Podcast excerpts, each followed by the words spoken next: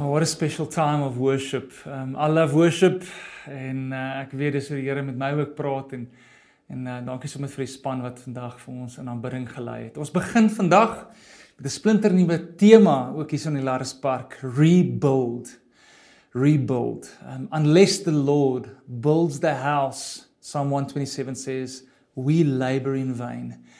En ons weet in hierdie stormtydperk is baie van ons fondasies dalk geskit, baie huise het in mekaar getuimel, sekere huwelike het verbrokkel, ehm um, verhoudinge is dalk verskeur, maar vir ander is dit dalk 'n goeie tyd gewees. Maar ons almal face die realiteite van wat in die wêreld op oomblik aangaan en baie mense vra nou maar hoe ons hoe herbou ons dit? Hoe waar begin ons? Where do we start rebuilding these ruins? And It's amazing when you start looking at the Bible that the theme of rebuilding is, is evident everywhere. God is in the business of rebuilding. Maybe you've been shaken, maybe you've been shattered yourself. What an opportunity for God to rebuild your life. Vir die Here om jou lewe te kan herbou. Um in hierdie lockdown tyd natuurlik het ons baie tyd spandeer met ons kinders en uh, ons twee laities Wynand en Carlo het saam met mamma op 'n stadium ook uh, die die die gelykenis van die wyse en die dwaase man gevolg. Um hulle het 'n huisie gebou op die sand wat jy daar kan sien en ook 'n huisie wat op die rots in ons geval die plaveisel gebou is. Um en ons het met die strome water gekom en die een huisie het gestaan en die ander huisie het geval. Um en dis ons realiteit, nê. Nee. Hier is die ding van storms. Storms wys eintlik net wat se fondasies het ons al vir jare lank gebou in ons lewens. Um it's impossible to suddenly fix your foundations when you are in the storm. It just exposes it. En terwyl ek nou gedink het oor hierdie preek vandag oor my eie lewe, besef ek selfs in hierdie tyd daar's sekere dinge wat ek gebou het op die rots. Ek het stewig gebou, maar daar's ander goed wat ek nie so stewig gebou het nie. En wat 'n geleentheid is dit nie dat ek dalk kan herbou nie. En dieselfde vir jou. Party mense se huwelike was nie gesond gebou nie en moes jy in hierdie tyd gaan vra maar hoe bou ons gesonde huwelike? 'n uh, Party se geloof het dalk begin skibreek lê. Kan ek jou vandag aanmoedig om te bou op die rots? En dis wat ons vandag dan oor gaan praat. In die volgende paar weke gaan ons gesels oor hierdie tema herbou, how to really rebuild. But today we're going to start with the main thing. Wat is daai fondasie, die diepste, grootste fondasie wat ons in ons lewens moet lê? En ek uh, ek gaan saam lees uit uit Lukas 6 uit. So as jy jou Bybel by jou het, ehm um, haal hom gou uit. Sê sommer vir ons daar in die comments ehm, 'n um, gedeelte weet 'n Bybeltekentjie of gee dit vir ons 'n thumbs up. Jy is besig om saam te lees. Dit gaan ook op die skerm wees. Lukas 6 praat Jesus oor hierdie verhaal van die wyse man en die dwaase man. En uh, ek lees graag vir ons. Why do you call me Lord, Lord, and do not do what I tell you? Everyone who comes to me and hears my words and does them, I will show you what he is like. He's like a man building a house who dug deep and laid the foundation on the rock. And when a flood arose, the stream broke against that house and could not shake it, because it had been well built. But the one who hears and does not do them is like a man who built a house on the ground without a foundation. When the stream broke against it, immediately it fell, and the ruin of that house was great. And one more scripture out of the book of Acts 2, verse 36. Therefore, let all Israel be assured of this God has made this Jesus, whom you crucified, both Lord and Messiah. Wat 'n twee kragtige tekste en ek gaan vandag so 'n bietjie uit my eie lewe uit ook met jou deel hoe hierdie waarheid my lewe verander het. Seker omtrent so omtrent 9 jaar terug. Ehm um, ek het toe die Here al baie stadium al 'n lang tyd geken. Ek het selfs 'n gemeente gelei. Ek was in die bediening. Ek het die land vol getoer met my musiek, maar daar was sekere fondasie in my lewe wat nie daar was nie. En wat ek hieruit geleer het deur persoonlike disipelskap, deur kerk en deur waarheid, um, het tot vandag toe nog 'n massiewe impak op my lewe en het soveel dinge kom in my lewe kom vasmaak. So today's theme is all about what we call lordship heerskappy. Ehm um, en ek gaan vir jou oopbreek soos ons aangaan. Hierdie skrifgedeelte begin met 'n vraag wat Jesus vra. 'n Baie interessante vraag en hy sê, "Why do you call me Lord, Lord and not do what I tell you to do?" Hoekom noem jy my Here, Here, maar jy gehoorsaam my nie? Jy doen nie wat ek wil hê jy moet doen nie. Nou, toe ek 'n kind was, het ek altyd hierdie teks so 'n bietjie verskillend gelees. Ek het gedink die die die wyse man, hy het op Jesus gebou, so hy is ou wat kerk toe gegaan het, het al die waarhede gehoor en die dwaase ou aan die ander kant, hy het sy lewe man uh, weggegooi. Hy was by die partytjies en hy's by by daai dit en daai dat en hy het nooit die Here eers geken nie. Maar as jy mooi lees, jy dis wat hier staan nie. This text tells us that both of them came to the Lord.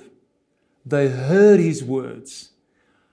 One went and he put it into practice, aka he obeyed, and the other one did not obey. Um in ons moderne taal altyd in dieselfde erediens gesit, selfe preek geluister, selfe saalgroep bygewoon. Een het dit gaan doen, gaan toepas en die ander een het nie. En dan weet ons wat die uiteinde is, nê. Nee. Die een se huis het bly staan en die ander ene sy huis het in mekaar geval. Ek dink die ironie is dat die ou wat op die sand gebou het, het eintlik gedink sy fondasie was sterk. Soos baie mense in hierdie wêreld doen. Ehm um, baie mense wat in die kerkwêreld groot word en soveel waarhede hoor die heeltyd, maar Christendom werk nie vir hulle nie want hulle pas dit nie toe nie. They never obey it and then they wonder why is my life so shaky when the storms come? Why, why does things just fall apart every now and then? So, Ek wil vandag vir jou die geleentheid gee as jy nog nooit Jesus as jou verlosser en jou Here aangeneem het nie, dat vandag so dag vir jou kan wees. Ek gaan daai gebed saam met jou nou-nou bid. Maar gaan ook vir jou bid as jy hierna luister en Jesus is jou verlosser. Jy weet jy het wedergebore geraak, jy het jou lewe vir hom oorgegee. But somewhere you've never heard the message of lordship and Jesus isn't really your lord. I'm also going to pray with you and help you to make that amazing decision in your life. So, why is lordship so important? Hoekom is heerskappy so so belangrik? In relatief is ek nie besig om 'n bietjie tegnies te raak oor 'n woordjie nie. Die woord Here, Lord. Hoekom is dit nou is dit nou is nou so belangrik?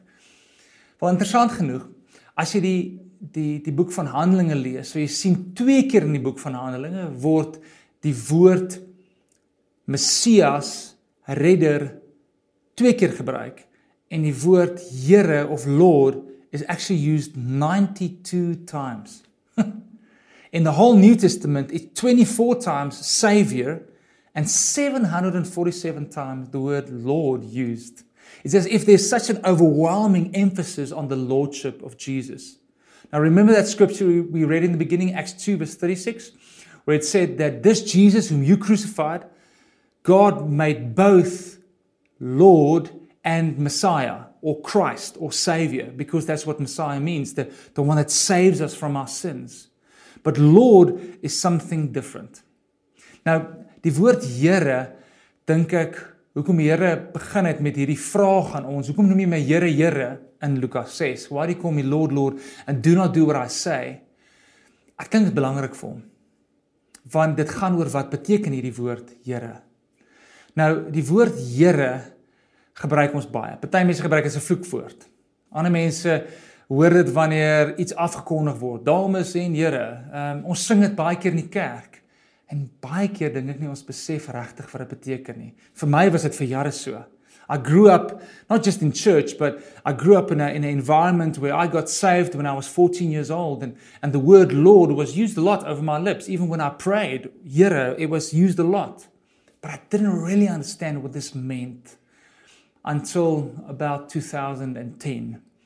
And this really changed my life. Now, the word Lord comes from the Greek word kurios, and it means the following having power or authority over, to be supreme, to be a master, to be an owner, or to be the head.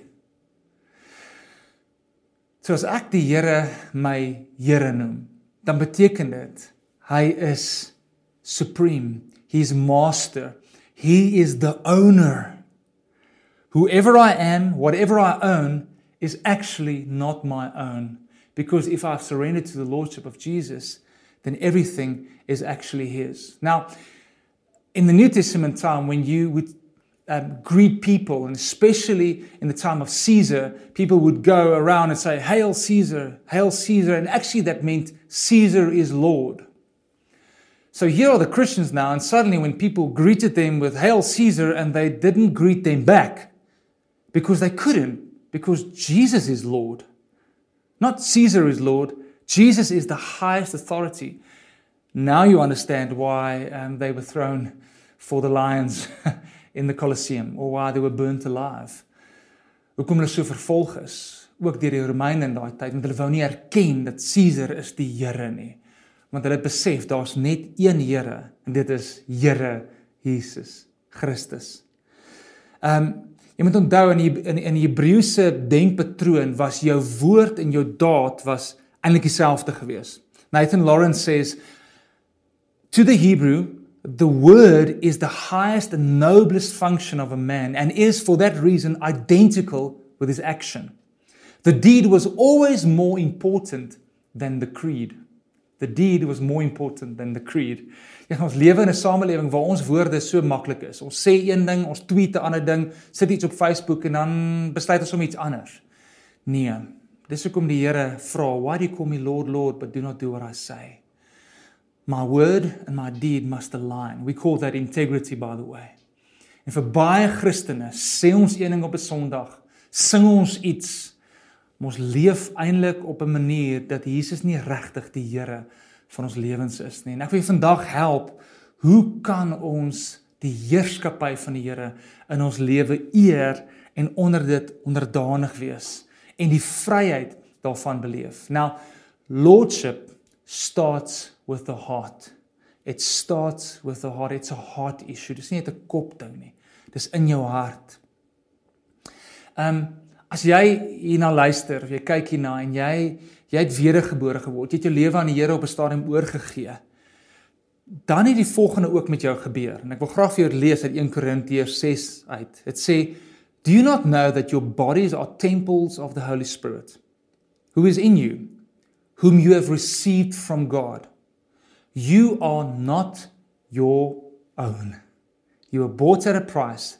Therefore, honor God with your bodies. You are not your own. Ander manier om dit te sê is under new management. The moment you surrender your life to Jesus and he becomes your savior, he also becomes your Lord.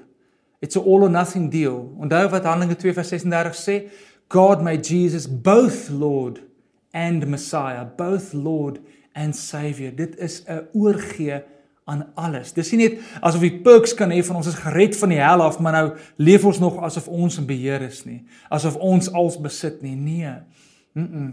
Die Here sê alles is nou myne under new management. Ek wil jou prakties help met vier areas in my eie lewe wat ek en moes verander het en moes gegroei het en nog steeds moet waar ek As ek hierdie vier vier areas kan dophou, kan ek sien hoe daar gesonde heerskappy in my lewe is. The four areas are obedience, repentance, motivation and trust. The first one is obedience. Jy gaan baie vinnig in iemand se lewe sien ehm um, of hulle heerskappy verstaan deur of hulle gehoorsaam is aan die Here. Iemand het eendag gesê, "A mature Christian is an obedient Christian." Niks met jou ouderdom te doen nie. Ek ken kinders wat meer gehoorsame volwasse gelowiges is as ou ooms en tannies wat al die waarheid al gehoor het deur al die jare maar nooit reg verander het nie. Dink dink vir 'n oomblik, hoeveel mense het al gehoor in 'n preek? Of as jy van kleintyd af groot geword het in die kerk, vergewe, vergewe, vergewe, vergewe jou naaste, vergewe die wat jou sleg hanteer het. And yet, so many of our age-old homes are filled with people that are bitter, filled with people that have chosen not to forgive. And then they ask or say this Christian thing doesn't work for me. Wel ek sal verstaan hoekom dit um, nie vir ons werk nie. Maar die Here wil hê dat ons moet gehoorsaam. Sien iemand wat heerskappy verstaan, verstaan Johannes 14 vers 15 toe Jesus sê as julle my liefhet, dan sal julle my ook gehoorsaam. Jy sien liefde en gehoorsaamheid gaan saam. Dis nie wettisisme nie. Ons lewe in 'n samelewing waar mense baie keer genade so misbruik as 'n verskoning om aan te hou sondig. Maar die vryheid lê juist daarin om te sê ek het U lief en daarom wil ek U gehoorsaam. Ek het ek wil U gehoorsaam en daarom het ek U lief. Obedience is a sign of lordship but it's also a sign of love. Gehoorsaam jy die Here in alles in jou lewe? Ek weet dit is moeilik want ons kry dit nie altyd reg nie, maar dan kom genade in Titus 2 vers 11 en sê dit leer ons om ja te sê vir geregtigheid en nee te sê vir sonde. So hy stel homself in staat om hom te gehoorsaam. Hoe wonderlik is dit nie? Die tweede een is repentance. Ek sien in my lewe wanneer ek onder die heerskappy is dat ek ek kan vinnig jammer sê. I'm quick to repent. Listen to what 2 Timothy 2 verse 19 says. It says everyone who confesses the name of the Lord must turn away from wickedness. If we confess and say Jesus is my Lord, then my life must show it. Turn away from wickedness is wat die woord repent beteken. Ek draai weg. Ek sê nee vir sonde. Is daar areas in jou lewe wat jy nog aanhou moedwillig sondig en jy weet dit is verkeerd? Dan wil ek jou vra, mag die heerskappy van die Here in daai area van jou lewe inkom. Dis dalk jou finansies. Dis dalk jou verhoudinge. Dis dalk jou gedagtewêreld, jou tyd, jou drome, jou toekoms submit that also to the lordship of Jesus. And then the last two, your motivation and trusting in God. Motivation simply means and, and, when, when I think about this, I, I think of how do I lead a church? Ek ek nou al vir 7 jaar Linwood gemeente gelei en nou begin ons met die Laris Park. Kom ek sê vir julle, dis baie moeilik om 'n gemeente te lei wanneer jy die hele tyd almal moet opcheck. Maar dit is wonderlik om 'n kerk te lei wanneer Jesus die Here in mense se harte is en hulle is self gekonvikt om iets te doen of nie te doen nie. Byvoorbeeld, julle sal weet, ons ons ons neem die tiendes elke Sondag op nie. Ons het nog nooit ons leer mense om dit te doen because that's obedience between them and God. I don't need to remind people to be faithful with their tithings and offerings weekly. It comes from the inside. God convicts them. It's like teaching young people to stay away from sin. It's not looking over their shoulders, it's teaching them to set apart Christ as Lord in their hearts, and then He in them will help them resist against sin. Dit word die motivering hoekom ek die Here wil dien, hoekom ek hom wil eer met my lewe. En dan die laaste ene.